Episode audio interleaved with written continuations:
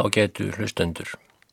Stundum mæti ætla þegar maður fylgist með fréttum að nú séu heldur vondir tímar fyrir mannfólkið.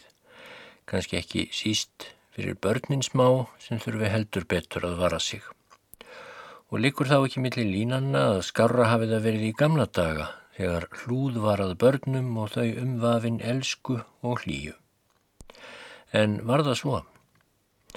Reinald hétt maður á vestfjörðum, fættur upp úr miðri 19. öld, allþýðu maður, stundaði sjó, svo var hann postur lengi. Árið 1931 kom út æfisaga hans á sjó og landi, heitir hún. Það var Ingi Valdur Nikolásson sem skráðana eftir frásögn Reinald sjálfs. Og ég er með bókina fyrir framann mig núna, hún likur hérna á borðinu Það er tilkomið mikil mynd af Reinald á kápunni. Hann er í postbúningi sínum en svipar helst til Kósakka í Rúslandi. Þið verður bara að trúa mér þegar ég segja að myndin sé tilkomið mikil. Ég get ekki sínt ykkur hana hér. En hitt getið þið lagt dóma á sjálf hvort uppeldi Reinalds var gott og hvort hann var í æsku um aðvinn elsku og hlýju Því nú opna ég bókina og les. Ég er fættur 23. janúar 1866 í Eirarhúsum í stóra laugardalssókn í Tálknafyrði. Fóreldrar mínir voru Kristján Gunnarsson og Margrét Jónsdóttir. Skýrður var ég af sér að Benedikt Þorðarsinni presti til Selárdals og Stóra Laugardalssókna og hlaut ég í skýrninni nafnið Reinald. Fóreldrar mínir áttu 11 börn og var ég næstur hinnu yngsta. Ég var komin á fjörða ár þegar fadur minn dó og varð móður mín þá að hætta búskap. Heimilið var tekið upp. Tók skildfólk okkar öll börnin nema mig. Svo ég fór til vandalöysara á sveitina sem kallað var og særði það mjög mikið er ég fór að hafa vita á að hugsa um það. Ég fór að Eisteinseyri til Björns Bjarnarssonar og Herdísar Jónsdóttur, konu hans. Er ég hefði verið eitt ára á Eisteinseyri, lagðist ég í taugaveiki og man ég það meðan ég lifi, þótt ekki væri ég þá eldri en á fymta ári. Hálfur mánuður leið svo að ekki var undað snerta við mér til þess að búa um mig. Þegar ég fór að hressast og ætlaði að standa á fætur, negi ég máttvana nýður aftur. Þetta er þið fyrsta sem ég man eftir mér í æsku. Móður mín kom að finna mig stöku sinnum þegar hún mátti því við koma. Þegar ég var á sjötta árinu fekk ég áhyggjur út af því að mér þótti líða ofennjulega langt á milli þess sem móður mín kemið að finna mig. Ég man það að ég var sí og ægi að spyrja hvenar mamma kemi og var mér jefnan svarað því að hún myndi nú bráðum koma. Nokkru setna heyrði ég að verið var að stæla um eitthvað sem snerti mig. Fólk það er í stælunni átti, vissi ekkert af mér í nánd og talaði því full hátt. Ég fór þá að hlera eftir hvað verið væri að tala. Heyrði ég þá að sömur efuðu það að rétt væri lengur að leina mig dauða móður minnar en aðri sögðu að það væri svo hryllilegt að segja mér að nöyt hefði eld hana í sjóin og drepið hana. Eins og nærim á geta fór ég að hágráta og hétta á menna að hjálpa mér að drepa nöytið til að hefna móður minnar, því snemma fann ég til grimdar og hefnigirni. Var mér þá sagt að búið væri að hefna, því nöytið hefði verið drepið daginn eftir, þótt um seinan hefði verið. Hug hægðist mér þá nokkuð í bráðina en oft grét ég í einrúmi. Ári síðar lagðist húsbóndi minn veikur og lág fáa daga uns hann andaðist. Þau herdís áttu einn són, Ólafanabni, hið mestamannsefni en hann var ungur er fadur hann stó. Varð herdís því að taka ráðsmann sem Guðmundur hétt og var Sörensson. Björnheitin hafi verið mér góður en nú eruðu snögg umskipti á æfiminni þótt ekki breyttist strax til hins versta er síðarvarð. bar nú fátt til tíðindum hríð. Við leikum okkur saman, fjórir strákar. Ólafur Björnsson og Jón Teitsson voru eldri en Bjarni Teitsson og ég vorum yngri. Þeir Jón og Bjarni voru sínir Teits bonda sem bjó á bænum á móti Herdísi. Þeir Ólafur og Jón, eldri drenginnir, syldu bátum og óðu þess á milli í sjónum og leittu þá okkur bjarna á milli sín og var okkur oft valla stætt. Þó fríðumst við yngri drenginnir við skammir fyrstum sinn. Á veturna rendum við okkur niður bratta skabla og höfðu hinnir eldri okkar, þá yngri, á bakinu meðan við vorum að æfast hefur mér oft komið svo íþrótt að góðum notum síðar á fullorðinsárum mínum, bæði á postferðum mínum og öðrum ferðalögum. Hef ég þá tekið förnaut minn á bakið og rent mér ofan af heiðum í flug, hálku og niður undir lálendi. Sérstaklega hefur það verið tvísar á Hrapseirarheiði en oft á Breiðaldalsheiði. En stundum fleittum við strákarnir okkar á jökum, á vökum, á fyrðinum og vorum þá oft í hættu stattir.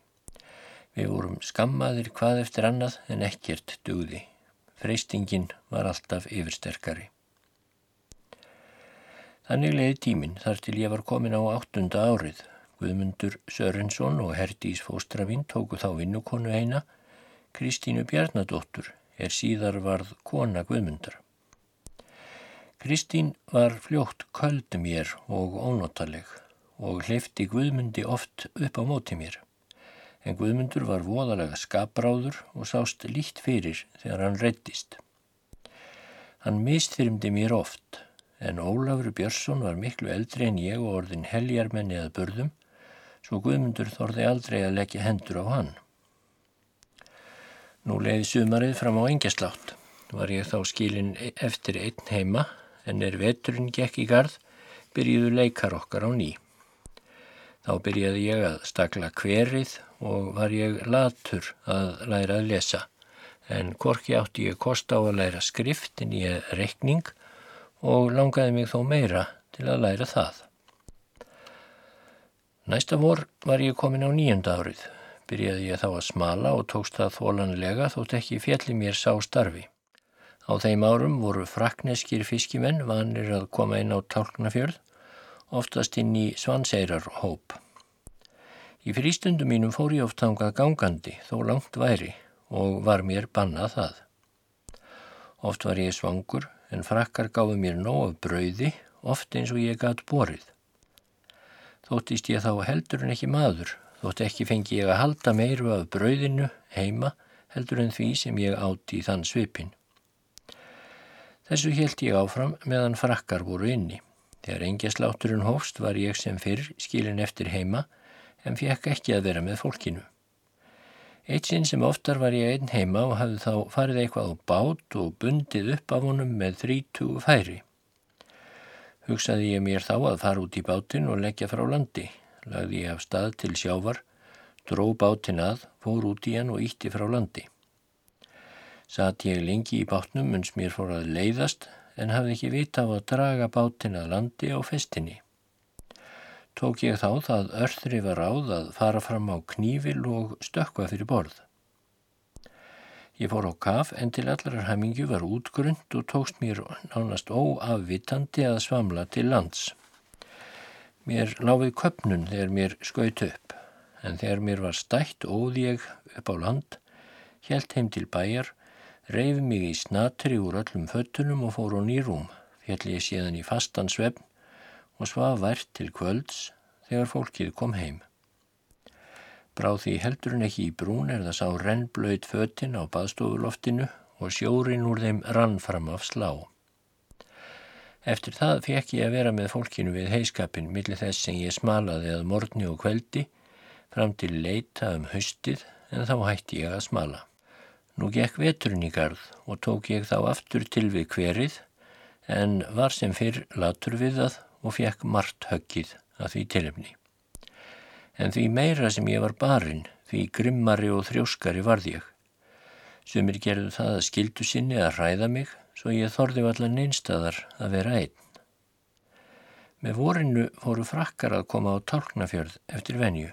Ég var komin á tíunda árið og búin að fá daldinn mannskap eftir aldri því nú var ég orðin kvensterkur. Ég var alltaf vanur að taka á móti fóstruminni þegar hún lamdi mig en nú í síðustu allögunni hafði hún beðu ósigur.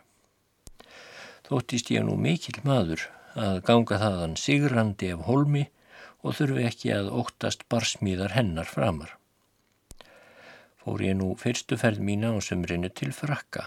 Þegar ég kom út í hópið sá ég bát í landi en engan mann. Ég kalla fram á skip en enginn kom í land. Ég þóttist nú vel útbúinn þar sem ég hafði tvenna vellinga sem ég ætlaði að kaupa fyrir brauð. Þeir sem í landi voru, voru upp í laug. Þeir sáu til mín en ég sá þá ekki. Ég sá að tvær smálúður voru í bátnum sem voru ekki einna vellinga virði. Þá hugsaði ég að ég skildi ekki koma alls laus heim, þótt ekki fengi ég neitt brauðið, tók báðar lúðurnar en skildi eftir hvora tvekja vellingarna í bátnum. Frakkarnir sáu þetta allt til mín án þess ég vissi. Síðan held ég heim á Eisteinseyri og var mér þá tekið tveim höndum því oft var þar lítið til að borða. Næsta dag fór ég aftur af stað og kallaði fram á skipin. Óðara fóru þá tveir menn í bát og sóttu mig í land. Út til áu fimm frönsk skip borð við borð svo ég hatt gengið yfir þau öll. Allstaðar var mér vel tekið og var mér gefið svo mikið af brauði að ég var orðin í vandræðu með það. Skipstjóri á skonnortu einni gaf mér mest. Honum var sagt að þetta væri drengurinn sem hefði skilið vettlingana eftir í bátnum. Ég var farin að skilja daldi í frönsku þegar þarna var komið sögu. Skipstjórun spurði mig þá hvort mér langaði að koma með þeim til Fraklands og svaraði ég því fljótt í átandi, en ekki varð meira úr því. Síðan fór ég úr treyjugarminum og fór að láta brauðið innan í hana og fekk skipstjóru mér hér um byrj þrjá faðma af snæri til að binda utanum svo ég ætti að hægra með að bera bakkan þegar á land kemi. Þegar ég var að enda við að binda bakkan kom frakneskur strákur á svipuður ekki og ég, réðst á mig og ætlaði að taka af mér brauðið, hugði hann að ég hefði stólið í. Rann mér þá fljótt í skap, hendi frá mér brauðinu og rauk á hann, var nú barist upp á líf og dauða og vorum við svo nýfjafnir að korugur kom hinnum niður. Þó tókst mér að blóðga hann á nefinu en ekkert sá á mér. Innir fullornu frakkar stóðu skellir hægandi í kringum okkur og horðu á leikin. Strákur kerði mig síðan fyrir skipstjóra en hann hlópara og saði að hann hefði byrjað. Var ég nú fluttur í land með allt brauðið og lagði síðan af stað heimleiðis. Ég var orðin þreyttur þegar ég kom heim, var þá mikil fagnöður yfir brauðinu. Þótti ég hafa vaksið af förðessari er ég svo ungur skildi orka að abla slíks matarforða því ekki var laust við að kvennfólki og krökkum stæði geigur nokkur af frökkunum þegar þeir komu heima á bæi á vorin þegar yngir kallmenn voru heima. Eitt sinn þegar ég var á ferðum þessum bráð svo við að ég sá sjávardýr nokkurt sem var að gaufa í fjörunni nálagt þeim stað sem nú heitir Gíleiri. Það var í alglaða sólskinni, millir dagmála og háttegis. Ég faldi mig strax þegar ég kom auða á dýrið. Það mun hafa verið framundir hálftíma sem það var að flækjast til og frá um fjöruna. Þar sem ég var í nokkrum fjarska, gæti ég ekki aðtöguða vandlega, en það var ekki laust við að í mér væri beigur nokkur. Síndist mér dýrið líkt á lengt og tveir hestar stæðu saman, en hæðin var ekki eftir því mikil. Dýrið var slígullt að lit og heyrðist mér sem ringlaði í því þegar það færðist til. Lóks dragnaðist þetta dýr þó út í sjóin aftur. Þetta er hér eina dularfylla sem ég hef orðið var við um æfina. Þegar hér var komið sögunni voru eldri drengirnir á bænum, Ólafur og Jón, farnir að róa. Þótt ég smalaði sem fyrr var hugur minn þó allur við sjóin. Það hagaði líka svo vel til að af smalaveginum sást út á hafið og sá ég þar skipin sigla til og frá, var mér það indi að horfa á þau. Um engjasláttin var það starfið minn að fara með heiband millir þess sem ég smalaði. Leiði nú sömarið og haustið gekk í gard með hinnum dimmu og ömurlegu kvöldum sínum. Kvöld eitt í hláku myrkri skipaði Guðmundur Sörensson mér að reka hestana úr túninu. Ég var ærið myrkvælin en þorði þó ekki að neyta því að vissi að þá myndan ganga næstu lífi mínu. Ég hleyfti í mig kjarki og stökk út í myrkrið, rak hestana og held síðan af stað heimleiðis. En þegar ég ætlaði inn í bæin var hann lokaður. Sá ég þá í myrkrinu að eitthvert skrimsli kemur fyrir bæjarhornið var ég þá næri liðin niður af skjelvingu en til allarar hamingju greip mig óstjórnleg reyði yfir meðferð þeirri sem ég hefði orðið fyrir. Ég rauk í kálgarðsvekkin sem hlaðin var úr smágrjóti, tók stein og kastaði beint í óvættina, greip annan stein og þeitti honum í bæjarhurðina svo hún rökk upp en ég komst í bæin. Sá ég þá að fólkinu brá mjög í brún er ég hafði ekki mist kjarkin en það vissi að ég sást líkt fyrir. Sá ég fljótt að einn heimamannin vandaði. Hann hétt Elias Ólafsson, fór síðar til Vesturheims. Leið nú laungstund þar til Elias kom lóks inn, var hann þá ítla útlítandi og með nefastóra kúlu á enninu. Hafði hann þanið pils yfir höfuð sér og eftir því var útbúnaðurinn að neðanverðu og hann hafði leið fyrir mér til að hræða mig. En svo hafði hann leið lengi í öngviti því steinnin frá mér kom í ennið á honum. Dægin eftir spurðan mig hverju ég vildi svara fyrir það að ég hefði næri verið búin að drepa hann. Hvaðst ég engu svara um það, hefði hann verið réttlaus.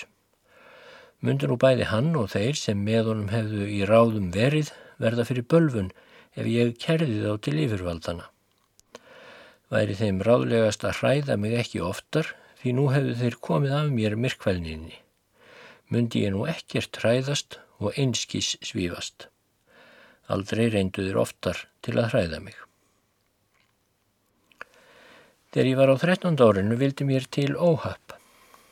Við Bjarni Teitsson vorum á leið í smala mennsku en þegar við vorum komnir nokkur spöl frá bænum sáum við hestana. Þar var þryggja vetra gammalt trippi, fórum við þá að tala um hvort það myndi ekki ber okkur og kom okkur saman um að ég færi á bakði beistlis lausu en þó með því skilirði að hann keirði það ekki áfram. Rétt þegar ég er komin á bak slæra hann þó í það með beislinu, trippið stökk þá af stað en ég hendist af baki. Ekki veit ég hvað lengi ég lág í róti en þegar ég raknaði við sá ég að Bjarni stóð organdi yfir mér. Vildi ég þá stökka upp og ráðast á hann en mig mætti blóðurás svo ég verða að hætta við það. Tókst mér þá að stöylast heim þóttu alla sæ ég til að ganga því svo ört rann blóðið niður í augum mér. Þegar heim kom var næri liðið yfir þær, móður bjarna og fósturu mína, var ég blóðugur allur niður að mitti svo þær urðu að hýta vatn til að þúa af mér blóðið en fyrst urðu þær reyndar að klippa húfuna af höfðinu sem föst var við hárið af blóðstorku. Ofan til á enninu var beinið högvið í sundur. Ekki var læknisleitað og var sárið ekki gróið fyrir nettir 15 vikur. Var verið að hafa það eftir mér að ég hafi sagt þá að meira hefðu þeir í fornsögunum orðið að þóla og gróið þó sára sinna að lokum. Nú leiði fram á næsta vettur og bara ekkert til tíðinda þar til eitt sunnudagskvöld að ég var að leika mér að brevarusli sem ég átti í púltgarmi. Segir Guðmundur Sorensson þá að mér sé nær að taka hverið mitt. Ég á nú frían sunnudaginn, saði ég. Hann beigð ekki bóðana, þreyfi mig og kyrði mig á höfuðið í loftskatið lág ég eftir þetta áfall í þrjár vikur. Elias, sá sem steinin fekk í höfuðið, hann sagði við Guðmund að heiðarlega væri honum að drepa mig, heldur hann að brúka slíkan fantaskap syngt og heilagt. Eftir þetta þjáðist ég mikið af höfuðveiki. Þegar ég var orðin 29 ára fór ég til Reykjavíkur til þess að fá lækningu við höfuðveiki sem ég var meir og minna vangæfur af. Tókst doktor Jónasen sem þá var landlæknir að lækna mig. En hann sagði að veiki þessi stafaði af höfuðhöggum sem ég hefði fengið á barsaldri. Næsta vor hætti Herdís fóstra mín að búa en Guðmundur Sörensson tók við jörðinni. Vildi hann fá mig fyrir smala hvaðst ég ekki fara til hans nema með því skilirði að hann hætti að leggja hendur á mig. Héttan því og emdi það reyndar. Nú var ég komin á fjórtánda árið. Það var einn dag um sumarið þegar ég var að smala á haldánarveginum sem leikur millir tálknafjörðar og bíldudals að ég mætti ríðandi manni sem ég þekkt ekki. Hann helsar mér og spyr mér að heiti og saði jónum það. Kannaðist hann þá við ætt mína. Spyrja mig þá hvort ég vilji ekki fara til sín fyrir smala. Jú, svaraði ég, það tekur aldrei verra við en nú er, síðan kvattan mig og reið leiðarsinnar. Nokkrum dögum síðar var ég að smala á sömu slóðum, sá ég þá tvent koma ríðandi. Ég hugsaði mér að verða á vegi þeirra, var þar komin Jóhanna Gunnarsdóttir, föður sýstir mín frá Ísafyrði. Þótti mér nú vengast hagur minn og bað ég Jóhannu að koma mér að Ísafjörðardjúpi því þangað var þá mjög sótt af ungum mönnum þeim er miklir þóttust fyrir sér. Þótti ekki heiklum hend að stunda sjómennsku þar við djúpið.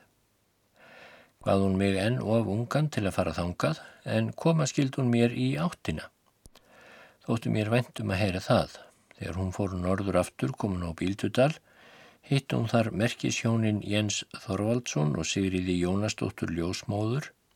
Þau byggu í Feiksdal, hittist þá svo á að þau vantaði smala. Var nú ákveðið að ég færi til þeirra.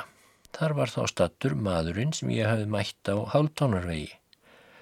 Var það Sturla Ólafsson, skipstjóri, sem þá bjó á hólshúsum í Bíldudal. Sturla svarar þá að það muni vera vel gert að reyna að ná dreng þessum þaðan sem hann sé. Haf hann fyrir skömmu hitt mig illa til reyka og muni ég eiga illa æfi á eistinseyri.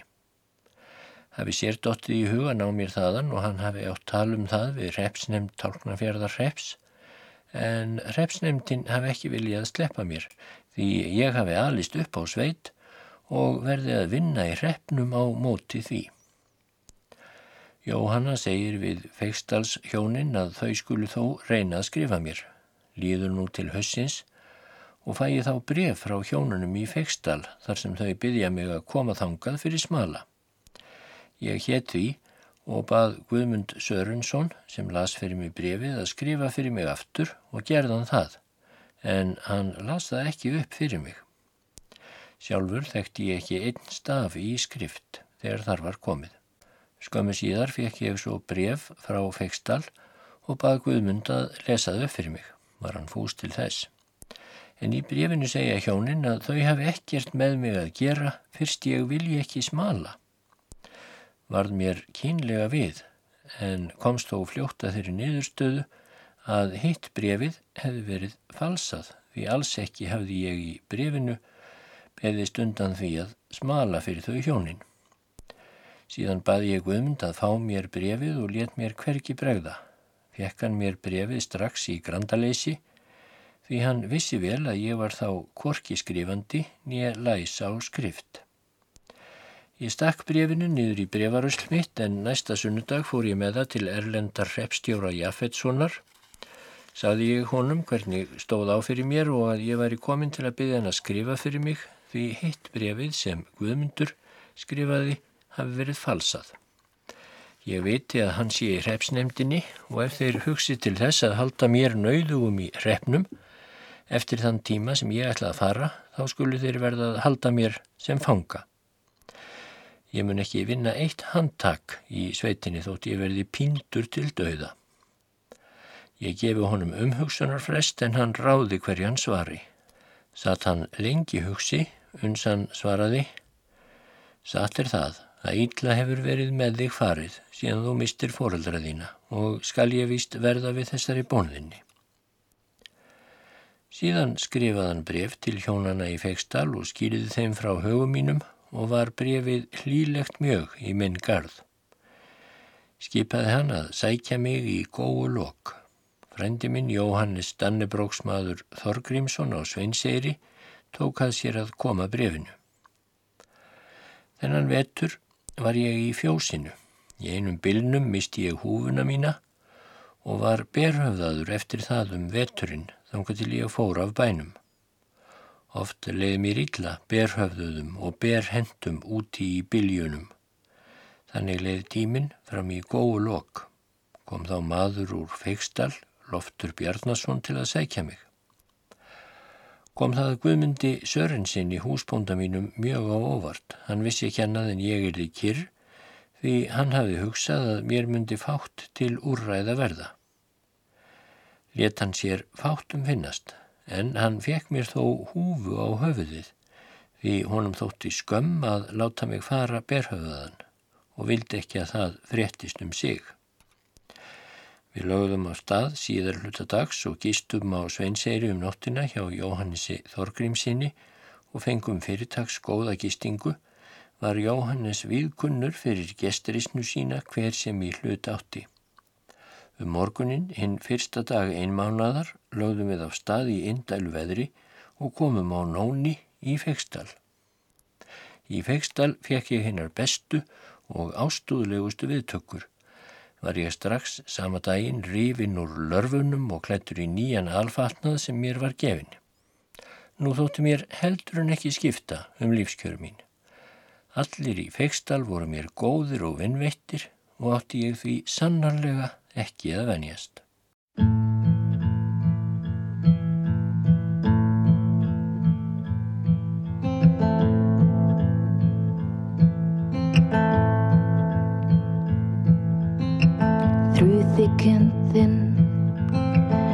That's what they say. Forgive and forget. Well, it's me that has to change. Is this what love looks like? Is this what love looks like? Your endless needs, my breaking grief you look this way, but you don't see. Is this what love looks like? Is this what love looks like? My body is frail, my soul is stale. All things good will be washed away. Is this what love looks like? Is this what love looks like? This pain I breathe has poisoned me. Dreamt a dream.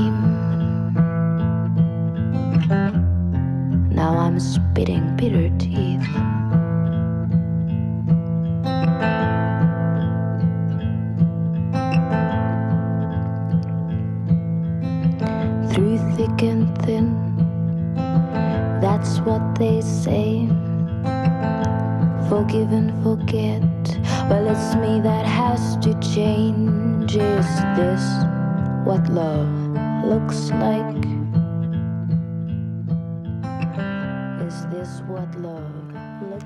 Nú byrjaði ég algjörlega að smala í feikstal og gekk það þólanlega. Var smalavegur langur og örðugur en 90 æri í kvíum. Nú leið mér vel. Allir voru mér góðir og báru mig á höndum sér. Gömlu hjóninn, Þorvaldur Ingimundarsson og Ragnhildur, sem voru foreldrar Jens húsbonda míns, áttu sex æri í kvíum, einnig áttu vinnufólki í kindur. Borgaði allt fólkið mér til samans um 20 krónur og man ég að mér þótt ekkert smáræði að fá þetta allt í einu. Um veturinn hafði ég þann starfa að hyrða hestana og mala alla kornvöru sem brúkuð var handa 23 í heimili. Einnig barði ég öll bein fyrir sex kýr og fjóra hesta, var ég þá ofta lúin í handleikjunum.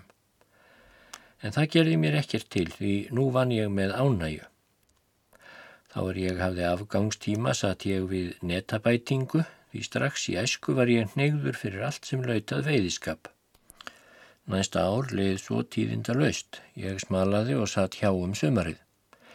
Í hjásetunni hafði ég það mér til skemmtunar að sigla bátum og fannst mér þá tímin líða fljótt. Um veturinn hafði ég sama starfa og undanfarna vetur. En ég vildi svo um síður ekki smala lengur og var þá látin fara til sjós sem matsveitn á pílótgamla frá Bíldudal. Skipstjóri var Fridrik Símonarsson. Var nú skipið sett ofan og búið út á fiskveðar.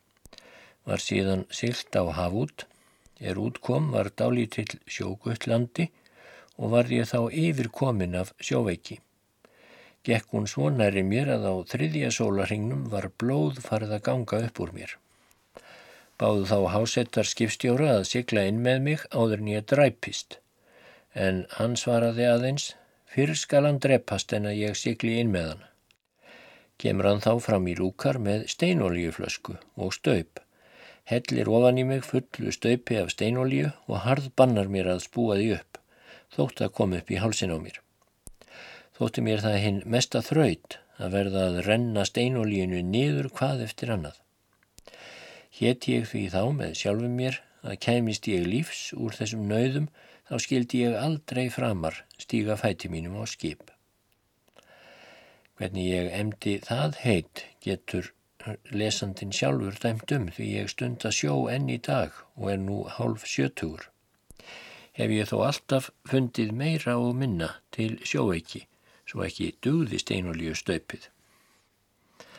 En leið nú vorið og fram til júli loka voru þá farnir að ganga hinnir skeiðu mislingar er þá drápu fjöldamanna, það var árið 1882 var ég um mánaðamótin þegar við lágum inni, lánaður í mógrafir í Bíldudali í tvo daga. Vann ég þar með fólki sem var að taka mislinga. Síðan var siglt út og vorum við komnir norður að djúpál og höfðum þar nóan fisk. En þá fann ég til linju sem ákerðist svo fljótt að ég varða að ganga til rekju. Á sama klukkutímanum kom hver eftir annan niður og fórum enn í rekjur sínar. Aðeins tveir stóðu uppi, skipstjórin og Fridrik Þorgrímsson, bróður Jóhannesar Dannebróksmanns á Sveinseyri. Þeir höfðu áður fengið mislinga þegar þeir gengu árið 1846 og sakaði þá ekki nú. Við komum á Bíldudal þegar liðið var á þriðja sólaring frá því að við fengum veikina. Voru þeir tvímenningar þá bæði þreyttir og sifjaður sem von var lágum við hinnir nú allir í kös í lúkarnum og var okkur harðbannað að fara upp í byrtuna þótt við kynnum að komast ángað. En mér var eins hátt á það fyrr að þá þegar mér fannst ég ekki lengur geta dreyið andan fyrir loftleysi í lúkarnum þá hlíti ég engum ráðum nýja skipunum en skreittist upp á þiljur og lagðist þar á móti sólinni en hafði það af ólíðninni að ég var næri blindur var ég þá fluttur í land og leið mér þá miklu betur og batnaði fljótar en hínum. Einn maður dó í skipinu af mislingunum. Eftir þetta fórum við út í halvan mánuð og hættum svo. Fór ég síðan heim til mín að Fegsdal og tók þar við smalamennskunni um haustið. Þegar úti voru róðrar baði ég Jens húsbónda minnum að leifa mér að fara ferð til Ísafjörðar. Því nú var aftur vöknuð hjá mér þráin að komast tangað var það auðsótt mál við Jens. Réðan mér til að koma við í norður leiðinni í Evri húsum í önundarfyrði hjá Bjarnaskipstjóra Kristjánsinni hvað hann hafa beðið sig að útvega sér vinnumann. Fór svo miður að ég gengdi því og gerði það mér allmikinn nekki. Segir ekki að ferðminni fyrir en ég kemað Evri húsum, vistaðist ég hjá Bjarna og skildi hafa 50 krónur í árskaup held ég síðan ferðminni áfram til Ísafjörðar, leist mér þar vel á mig og satt þar um kyrt í fjóra daga. Að þeim liðnum lagði ég af stað vestur aftur, fekk ég gott veður til dýrafjörðar, Næsta dag lagði ég á Oltamýrarheiði, hljóp þá á hörku bílur af norðri með feikna frosti en að því veðrið var á bak mér þá held ég ferðinni áfram.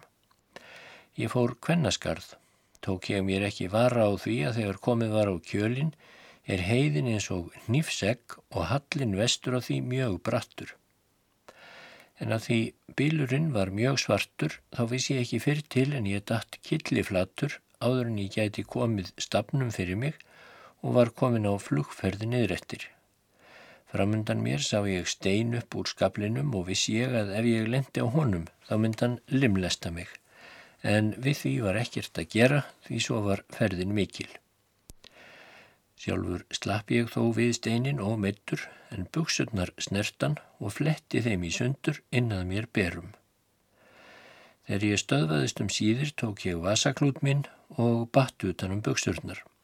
Hljóp ég síðan eins og þólið lefði og komst að áltamýri svo aðframkomin að bræðurnir Gísli og Guðmundur áskir sínir urðu að leysa af mér pokan og var ég samstundis háttaður og nýrúm var ég þar í þrjá daga sem í foreldra húsum. Komst ég síðan heil og höldnu heimi í Feiksdal. Hafði fólki það á orði við mig að þá ótaðist að feigð sekti mig og myndi þessi þrá mín að komast á Ísafjörðardjúb valla sjálfráð. En skiptapar og druknanir voru þar á þeim árum svo að segja daglegir viðburðir. Degja verður hverjum sinn, svaraði ég. Það verður að fara sem auðið verður leiði nú tíminn til skildagans. Saði Jens Þorvaldsson, húsbóndu minn, að ef mér líkaði ekki í efri húsum hjá Bjarnar, skildi ég velkomin aftur til sín hvenar sem ég vildi. Til ég mér það skilt, sagðan, þar sem þetta voru mín ráð, en af Bjarnar fer ekki sem best orð. Hvati ég fólkið allt með söknuði og var ímis hugsi er ég yfirgaf þetta góða heimili þar sem mér hafði liðið svo vel og allir hafðu borið mig á höndum sér. Gekk ferðin vel og fekk ég ákætis veður í hérna nýju vist mína að efri húsum í önundarfyrði. Á þessu nýja heimil mínu var ég heima fram yfir páskana en fór síðan í vinnu til Ísafjörðar. Fyldust á með mér 80 menni yfir Breiðardalsheiði, er það mestur mannfjöldi sem ég hef verið með yfir heiði í einu.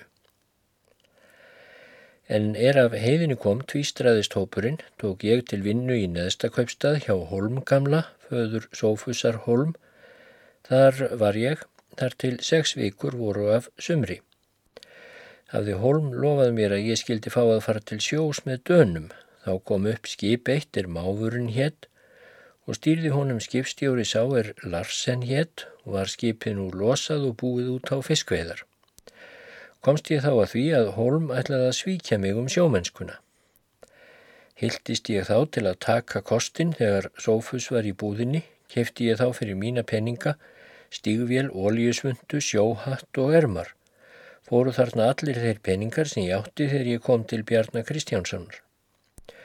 Hann vildi ekki láta mig fá neyn hlýðarföld, en er ég var að ganga ofan tangan áleiðist til skipsins, þá veit ég ekki fyrr til en ég fæ slíkt rokna högg á bakið að ég reyða við.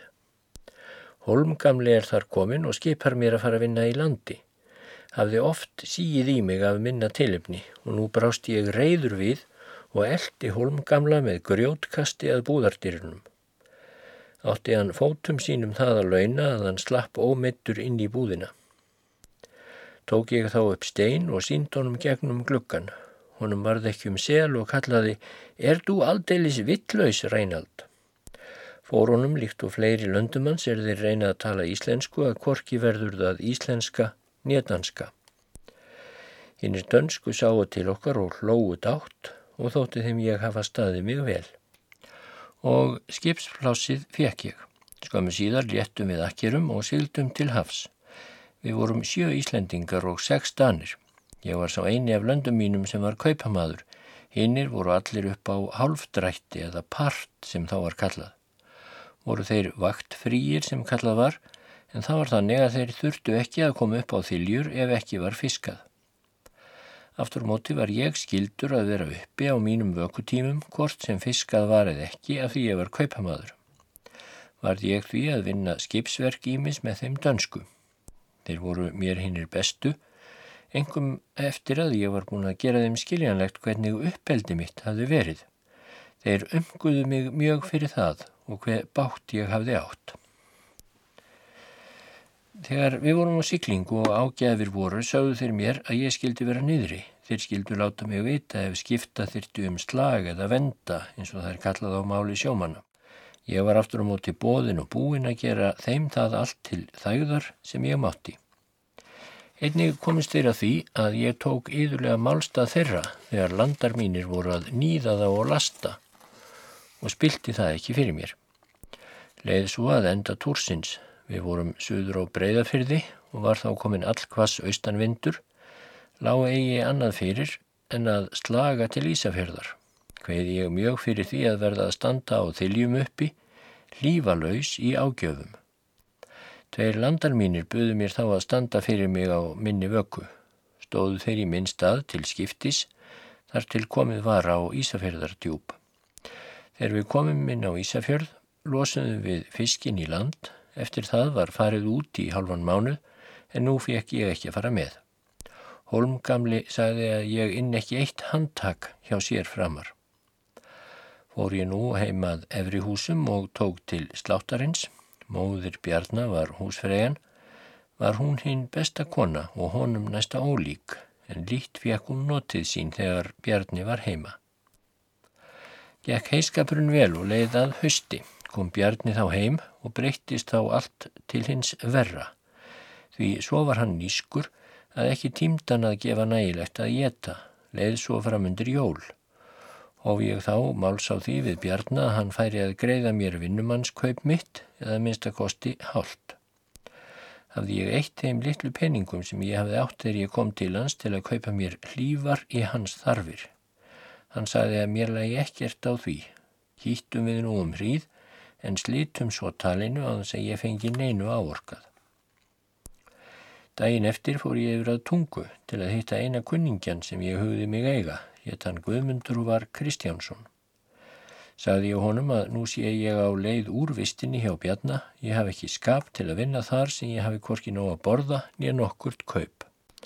Ætli ég nú vestur að feikstal því fólki þar hafi bóðið mér að koma þangað aftur ef mér líkað ekki. Baði ég Guðmund að ná föttum mínum frá þjónustu minni í kyrþei meðan ég væri í burtu, héttan mér því og var ég hjá honum um nóttina. Dægin eftir laði ég af stað í sunnan rigningarslægi úr Rokki.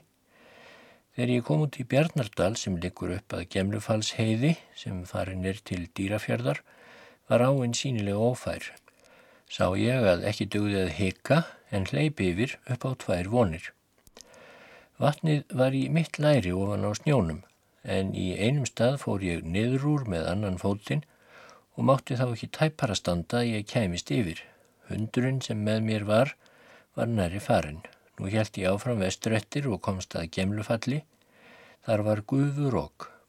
Lagði ég þó af stað á göngu kringum dýrafjörð, hljóp þá á hörku norðan bylur með grimdar frosti svo ég hafði fullt í fangi með að halda á mér hitta.